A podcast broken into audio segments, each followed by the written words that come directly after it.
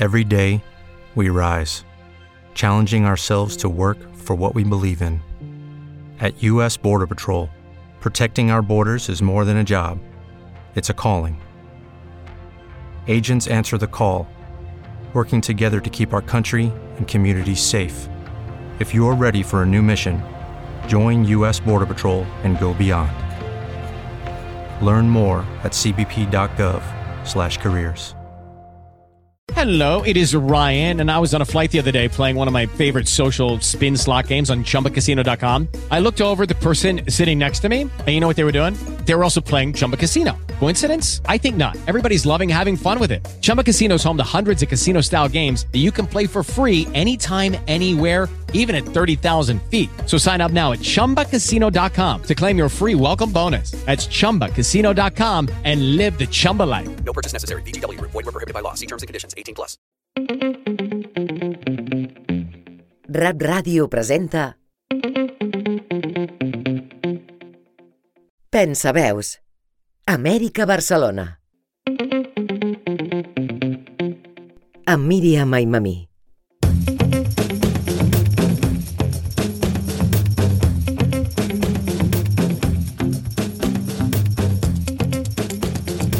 Bona tarda, Europa. Bon dia, Amèrica. Benvinguts i benvingudes a un programa més d'Amèrica Barcelona, Pensaveus Compartides.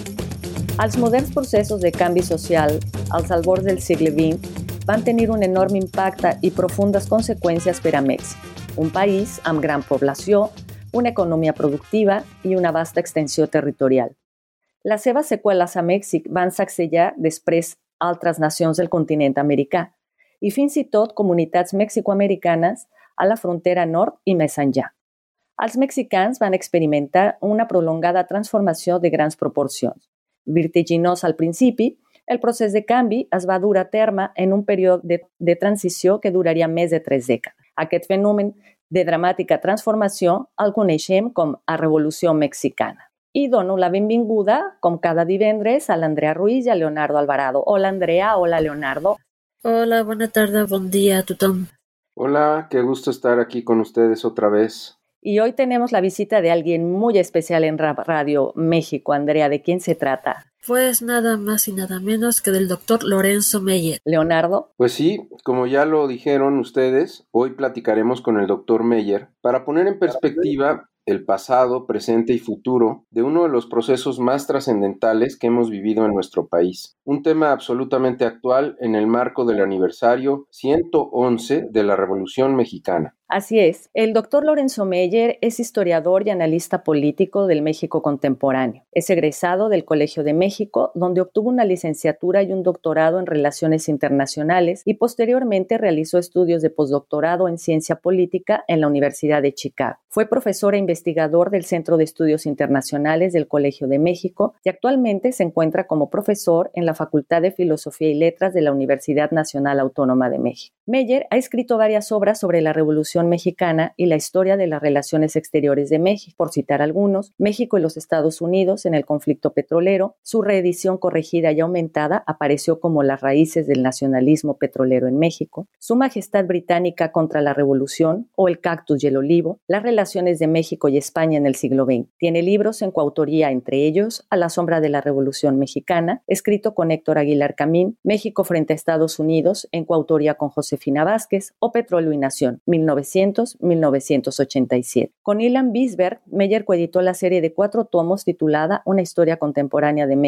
transformación y permanencias. Es autor además de artículos y capítulos en revistas y libros académicos, así como de artículos en revistas de divulgación. Ha sido investigador y profesor en universidades públicas y privadas de México, Estados Unidos y España y ha recibido varias distinciones, entre las que destacan el Premio de la Investigación Científica, que otorga la Academia Mexicana de la Ciencia, así como el Premio Nacional de Ciencias y Artes en el campo de Historia, Ciencias Sociales y Filosofía. Meyer es investigador emérito del Sistema Nacional de Investigadores y profesor emérito del Colegio de México. Como analista del sistema político mexicano, Lorenzo Meyer ha centrado su reflexión en las formas autoritarias del poder en los procesos de democratización de los siglos XX y XXI. Es editorialista en periódicos de circulación nacional. También es comentarista de televisión y forma parte de una mesa de análisis en el noticiero de radio que conduce la periodista Carmen Aristegui. En el periodismo, el doctor Lorenzo Meyer ha recibido dos premios nacionales y ha publicado ya cuatro libros que recogen una selección de su labor editorial.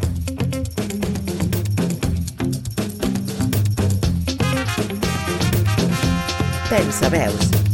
Amèrica Barcelona. Pensa veus compartides.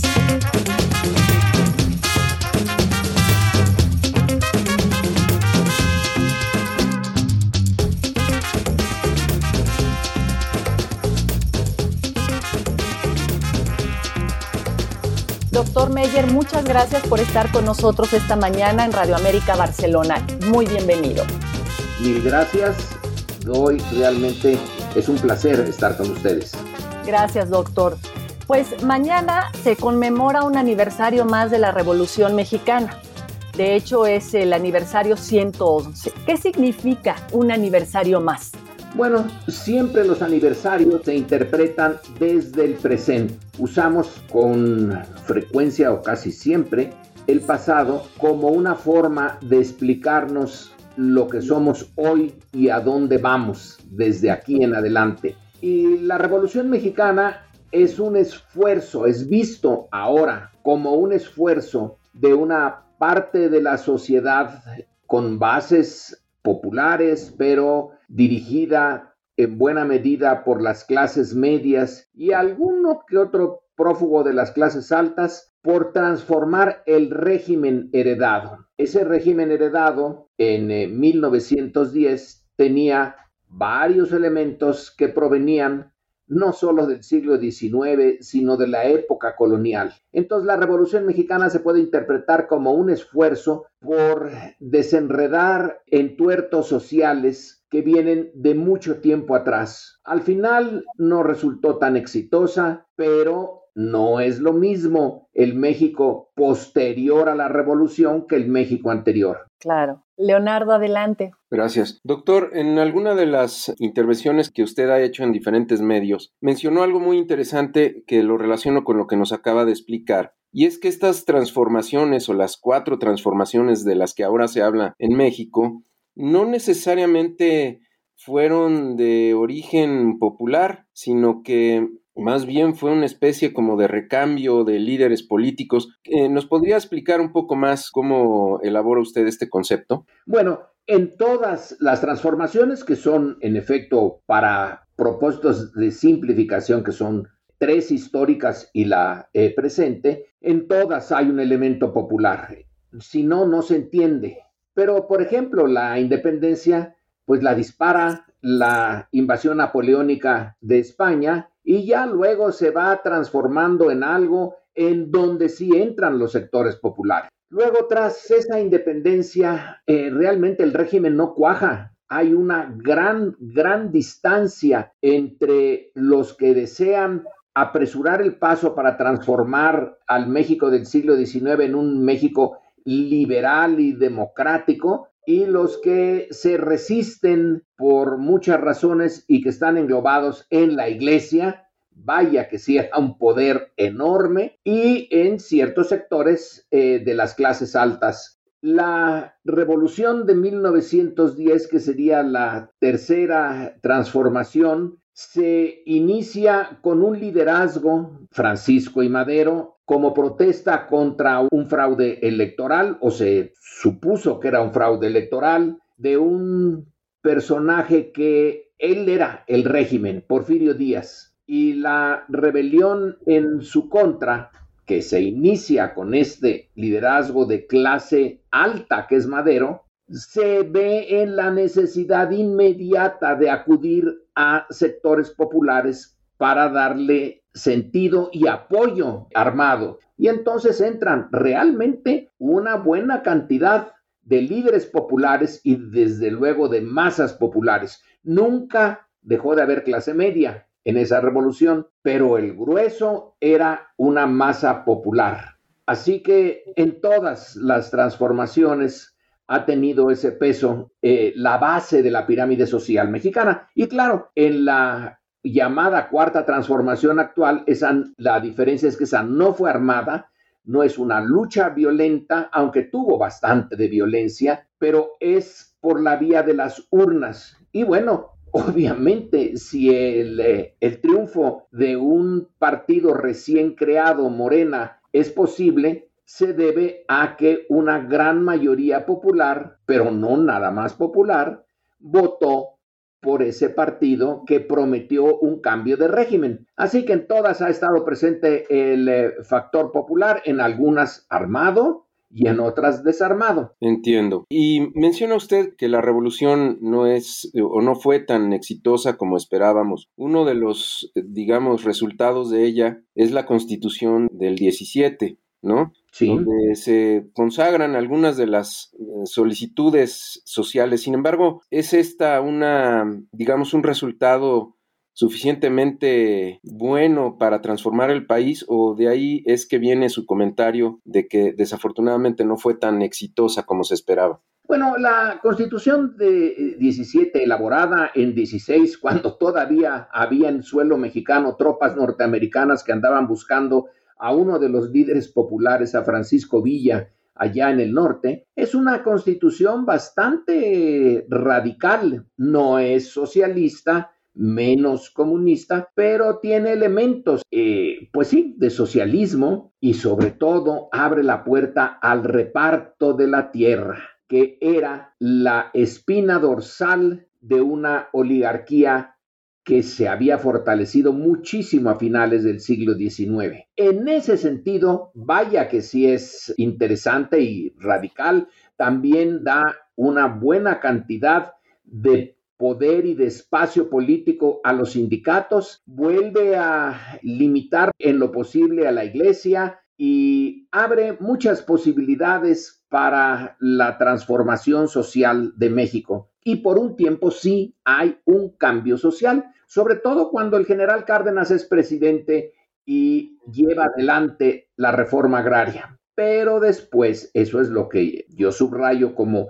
no tan exitosa, después esa constitución fue interpretada de manera cada vez más conservadora y el resultado es la creación de una nueva oligarquía que para propósitos de comparación resulta casi tan importante como la que había antes de la revolución, con otras bases, pero muy, muy fuerte. Y esta misma oligarquía que parece crecer de manera descomunal después de los setentas, cuando viene la era de los tecnócratas y posteriormente neoliberales, ¿es correcto? Bueno, sí, ahí ya eh, desarrolla y crece de una manera espectacular. La base de sistema es un partido, en realidad un partido único, que es el de PRI, y un apoyo mutuo muy obvio, muy claro entre la élite política,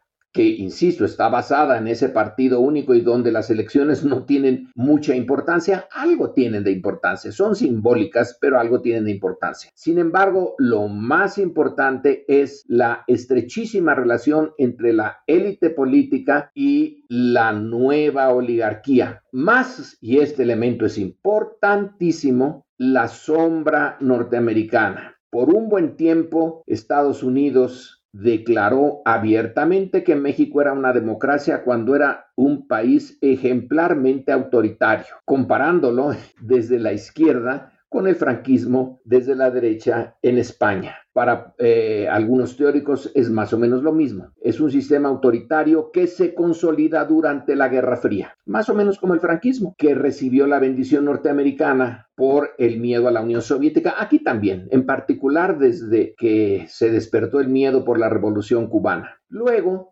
cuando termina la Guerra Fría ya está esto muy consolidado, ya no es necesario ese pretexto y ciertamente hay un mayor movimiento de pluralismo político a contrapelo, pero sí hay espacios nuevos de acción política. Pero ya la oligarquía es muy fuerte. Y cuando se llega a un cambio de partido por fin en el año 2000, en realidad el régimen no cambia ya mucho, porque los eh, poderes fácticos, como se resume con ese concepto, son tan fuertes que imponen ya su eh, agenda a quien esté en el poder, al presidente y, y al gobierno en general. Así que ahí queda resumido por qué no lo veo yo al final la revolución mexicana tan exitosa como prometió ser. Claro. Andrea, adelante. Muchas gracias. Sí, doctor Lorenzo, respecto a los comentarios anteriores en relación a las clases sociales y en relación a la, a la tierra, me gustaría preguntarle qué tanto realmente fue revolucionaria esta tercera transformación para los pueblos originarios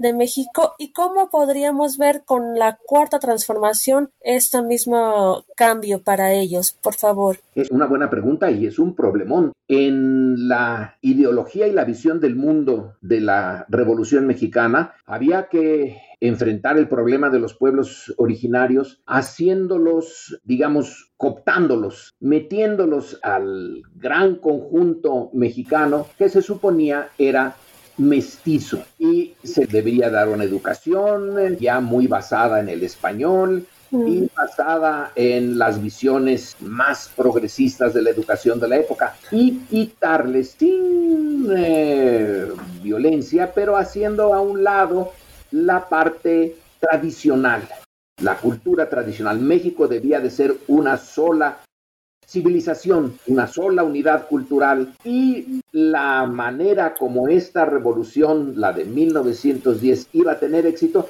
es cuando todos se incorporaran a una misma cultura, cultura cívica dominada no por eh, las eh, comunidades indígenas, sino por esa gran mayoría mestiza.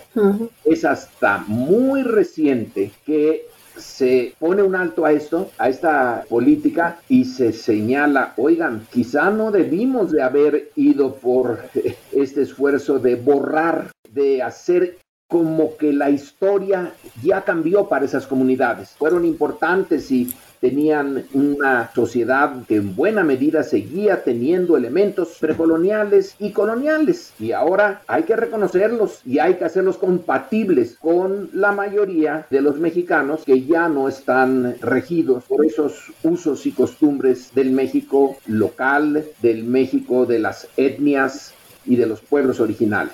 Doctor, ¿cuál era en su origen el proyecto revolucionario? El proyecto revolucionario era hacer de México una sociedad más igualitaria, una sociedad donde sí, sí habría capitalismo y habría propiedad privada, pero la propiedad privada debería de estar supeditada al interés general. Eso mortificó mucho a los liberales eh, más conservadores y desde luego a nuestro poderosísimo vecino norteamericano, en donde la propiedad privada tiene un estatus todavía mucho más importante que el que legalmente tiene en México. Entonces, supeditar los intereses privados, en particular de aquellos que habían acumulado mucho, ya fueran tierras, capital, en función de un interés más cercano al de las eh, mayorías, que cuando la revolución se hace, son básicamente campesinas. Sí hay ya un sector obrero importante, pero no es dominante, desde luego, un sector urbano de clase media, pero es básicamente un México rural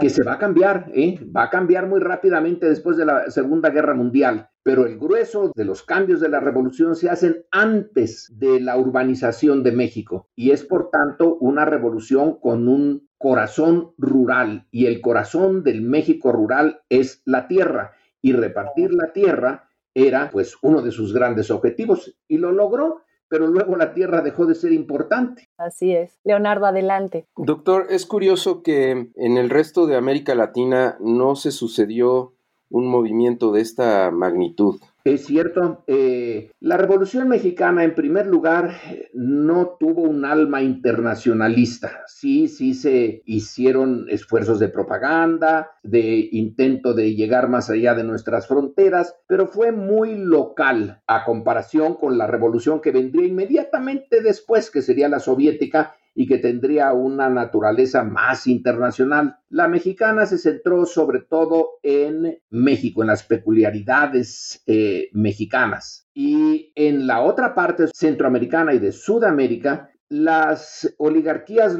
locales lograron mantenerse en el poder. También hubo intentos de transformación, de rebelión, eh, pero no cuajaron. En el Perú, por ejemplo, el APRA eh, tenía a la Revolución Mexicana como ejemplo y Aya de la Torre, que fue el creador y líder del APRA peruano, tenía mucho eh, interés en seguir los desarrollos mexicanos y ver en qué medidas se podían aplicar en el Perú. Y se pueden aplicar en el Perú, pues se podían aplicar en Bolivia, pero no tuvo ese éxito. Ahora, ¿por qué tuvo éxito la Revolución eh, Mexicana? En parte porque su dinámica militar y luego económica estaba en el norte y el norte es la frontera con Estados Unidos, cosa que no tiene ningún otro de los países latinoamericanos. Entonces, ese factor, el factor norteamericano, que sin quererlo, ¿eh? fue un elemento importante en que el eh, grupo revolucionario tuviera acceso a armas, municiones, pertrechos y muchas otras cosas que el sur de México no tuvo. Por eso el zapatismo, que es lo más popular que hay en la Revolución Mexicana, es la rebelión más campesina, más con más raíces indígenas, etcétera. Esa no tuvo tanto éxito porque estaba fuera del circuito de la relación con la sociedad norteamericana. Claro.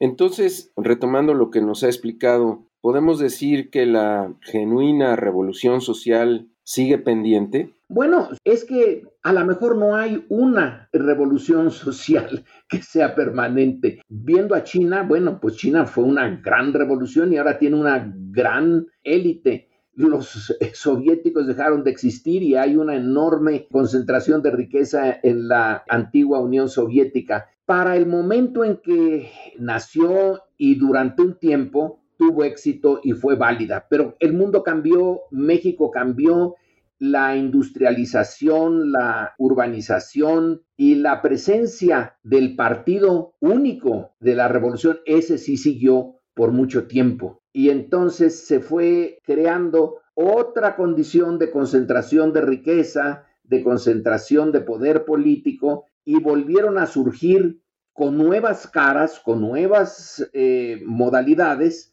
problemas muy añejos. Sí se resolvió parte del antiguo problema, pero en el proceso fue surgiendo el nuevo y el nuevo tiene ciertas raíces en lo viejo. Así que esta mezcla de una revolución que sí introdujo cambios importantes, que sí despertó un, eh, digamos que logró hacer de México una nación. Es difícil definir qué es realmente una nación. Y bueno, ustedes ahí en Barcelona lo saben quizá mejor que yo. El eh, tema de España y del eh, tema eh, catalán.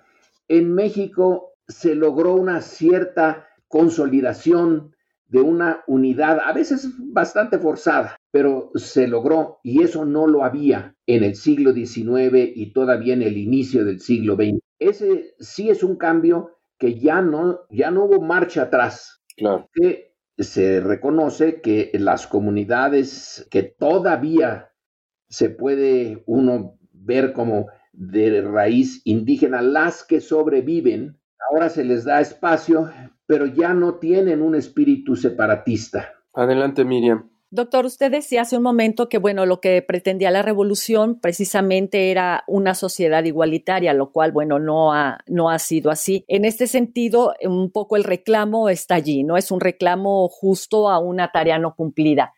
¿Qué tan factible sería la idea de que si esto no se consigue, si el ejercicio del poder eh, continúa, digamos, pero en un sentido abusivo, que pudiera haber una respuesta desde abajo? ¿Qué tan factible sería? Yo ahora lo veo bastante más difícil que en el pasado, porque ya hay muchas avenidas o canales para eh, expresar los deseos desde abajo. Una sociedad igualitaria no, nunca fue ese el, eh, propósito de la Revolución Mexicana, ni veo que sea el propósito mayoritario. Ahora, se quiere una sociedad menos desigual, menos desigual y menos corrupta el ejercicio del poder. Creo que he dejado aquí de lado, pues es muy poco tiempo, que el reclamo contra el ejercicio arbitrario del poder eh, gubernamental, de la corrupción en esta relación entre élite política y élite económica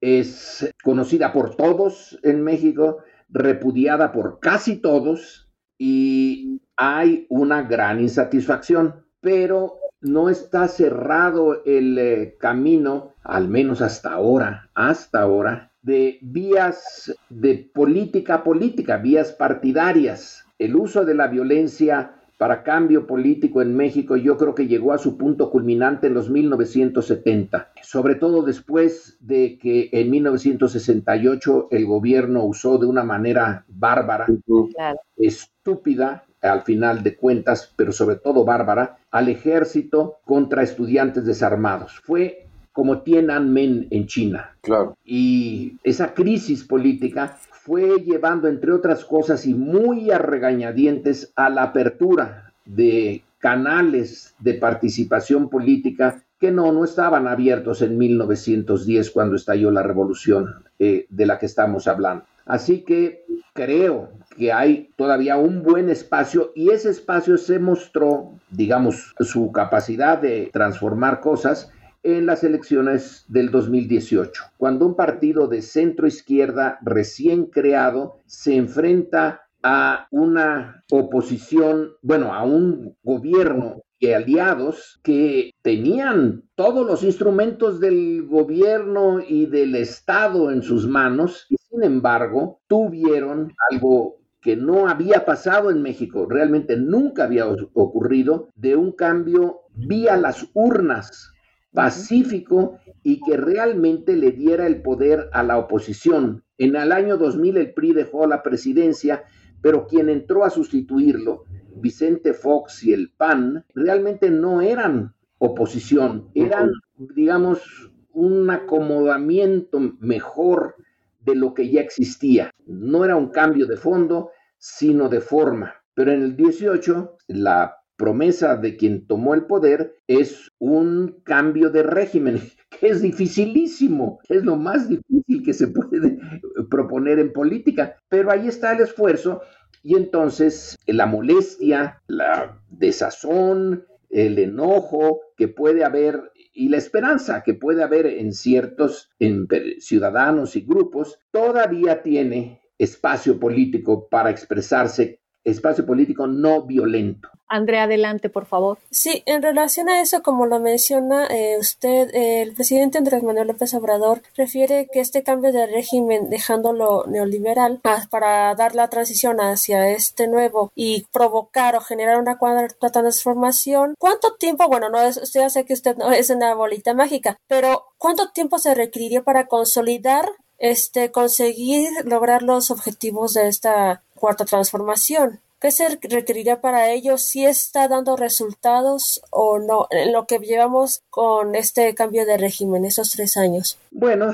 esa pregunta es muy natural, muy normal y en cierta forma imposible de responder. Hace mucho tiempo, cuando Andrés Manuel no era todavía lo que soy presidente y cuando no estaba en esta campaña, sin más ya principios de este siglo, en una conversación con él dijo, eh, es probable que en un sexenio no logremos eh, modificar de fondo eh, las estructuras injustas de México. Así es. es. Imposible, pero podemos hacer algo de todas maneras muy importante, darle a la mayoría de los mexicanos la sensación y la posibilidad de ver al gobierno como algo propio, no como algo ajeno siempre ha sido ajeno, desde la época colonial, el siglo XIX y todavía el siglo XX. Estaba el gobierno y la sociedad.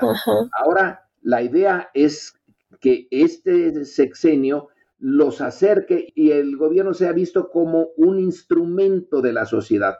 Luego, en aquella ocasión, Andrés Manuel dijo, le queda al siguiente sexenio ya hacer el cambio, porque la oposición a los cambios es enorme, es muy fuerte. y es que la clase económicamente dominante en México es realmente fuerte.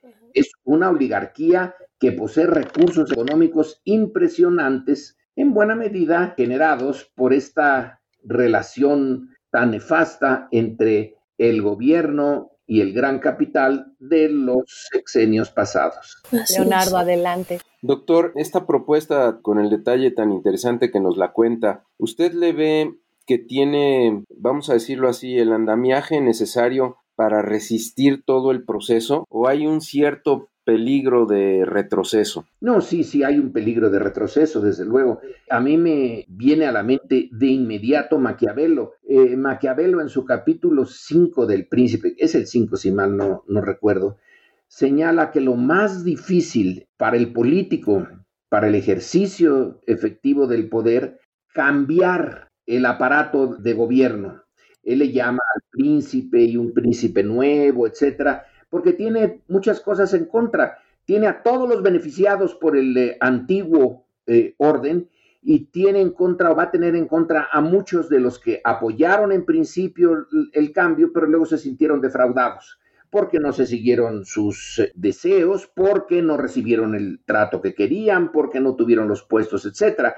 Entonces hay mucho descontento que se va a ver en el año entrante cuando tenga lugar este proceso innovadorcísimo en México, que es poner a la mitad del mandato al voto si se sigue o no se sigue en la presidencia al que le dieron la victoria en la primera mitad del mandato, lo cual significa que o se va o tiene una regeneración de su mandato y de su poder. Eso lo vamos a ver muy pronto, porque ya está a la vuelta de la esquina. Luego viene desde, sobre todo, pues la elección del 24.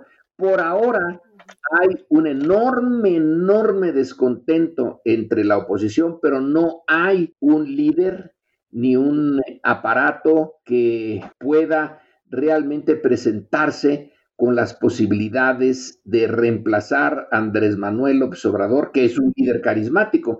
Y desde la oposición no hay ningún carisma, nada más basta verlos y quedaron huérfanos de carisma los pobres. Pero, no sé, puede surgir algo en, lo, en los tres años que, que faltan, que hay un problema central es que el partido en el poder todavía no cuaja como partido.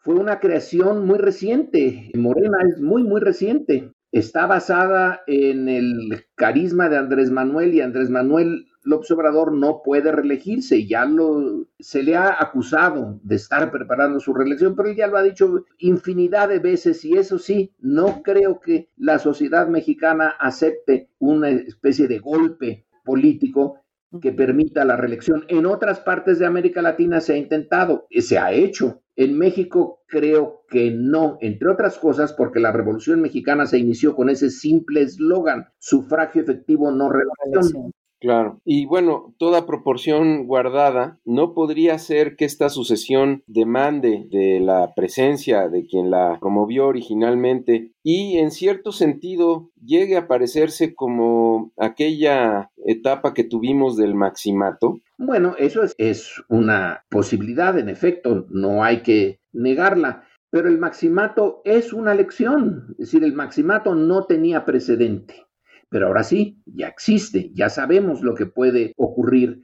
Y desde luego, Andrés Manuel López Obrador ha dicho eh, también una infinidad de veces que cuando él termine, él termina y que se va a esa propiedad de tres hectáreas que tiene allá en el sur por Palenque y que ahí va a a permanecer, que es responsabilidad de otros. No quiere ya él cargar con la responsabilidad y es que es una responsabilidad enorme, se le ve el desgaste. Les Manuel está casi 24 horas al día en, la política. A las 6 de la mañana su eh, reunión diaria sobre seguridad, la conferencia de prensa diaria, que yo no sé de un presidente o primer ministro que la tenga en este mundo. Luego las giras, anda de arriba abajo, de izquierda a derecha, todo el tiempo yendo para mantener su contacto con las bases sociales y examinar que los proyectos que ha echado a andar realmente estén andando. Entonces es un desgaste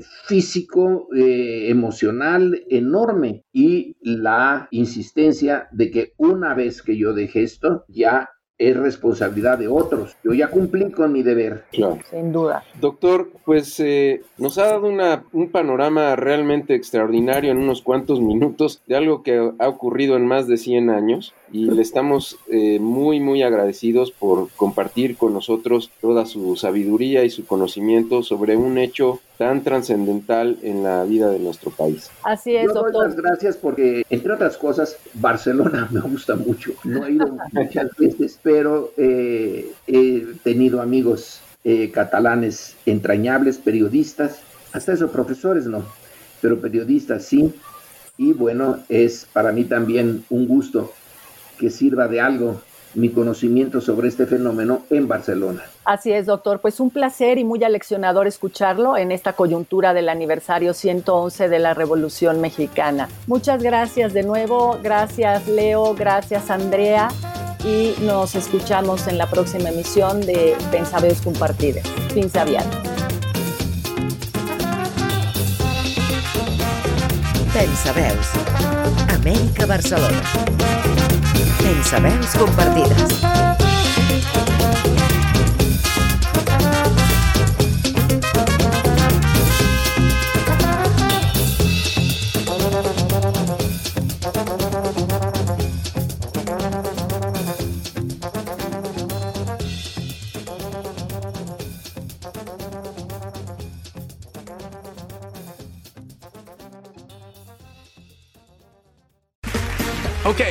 Two.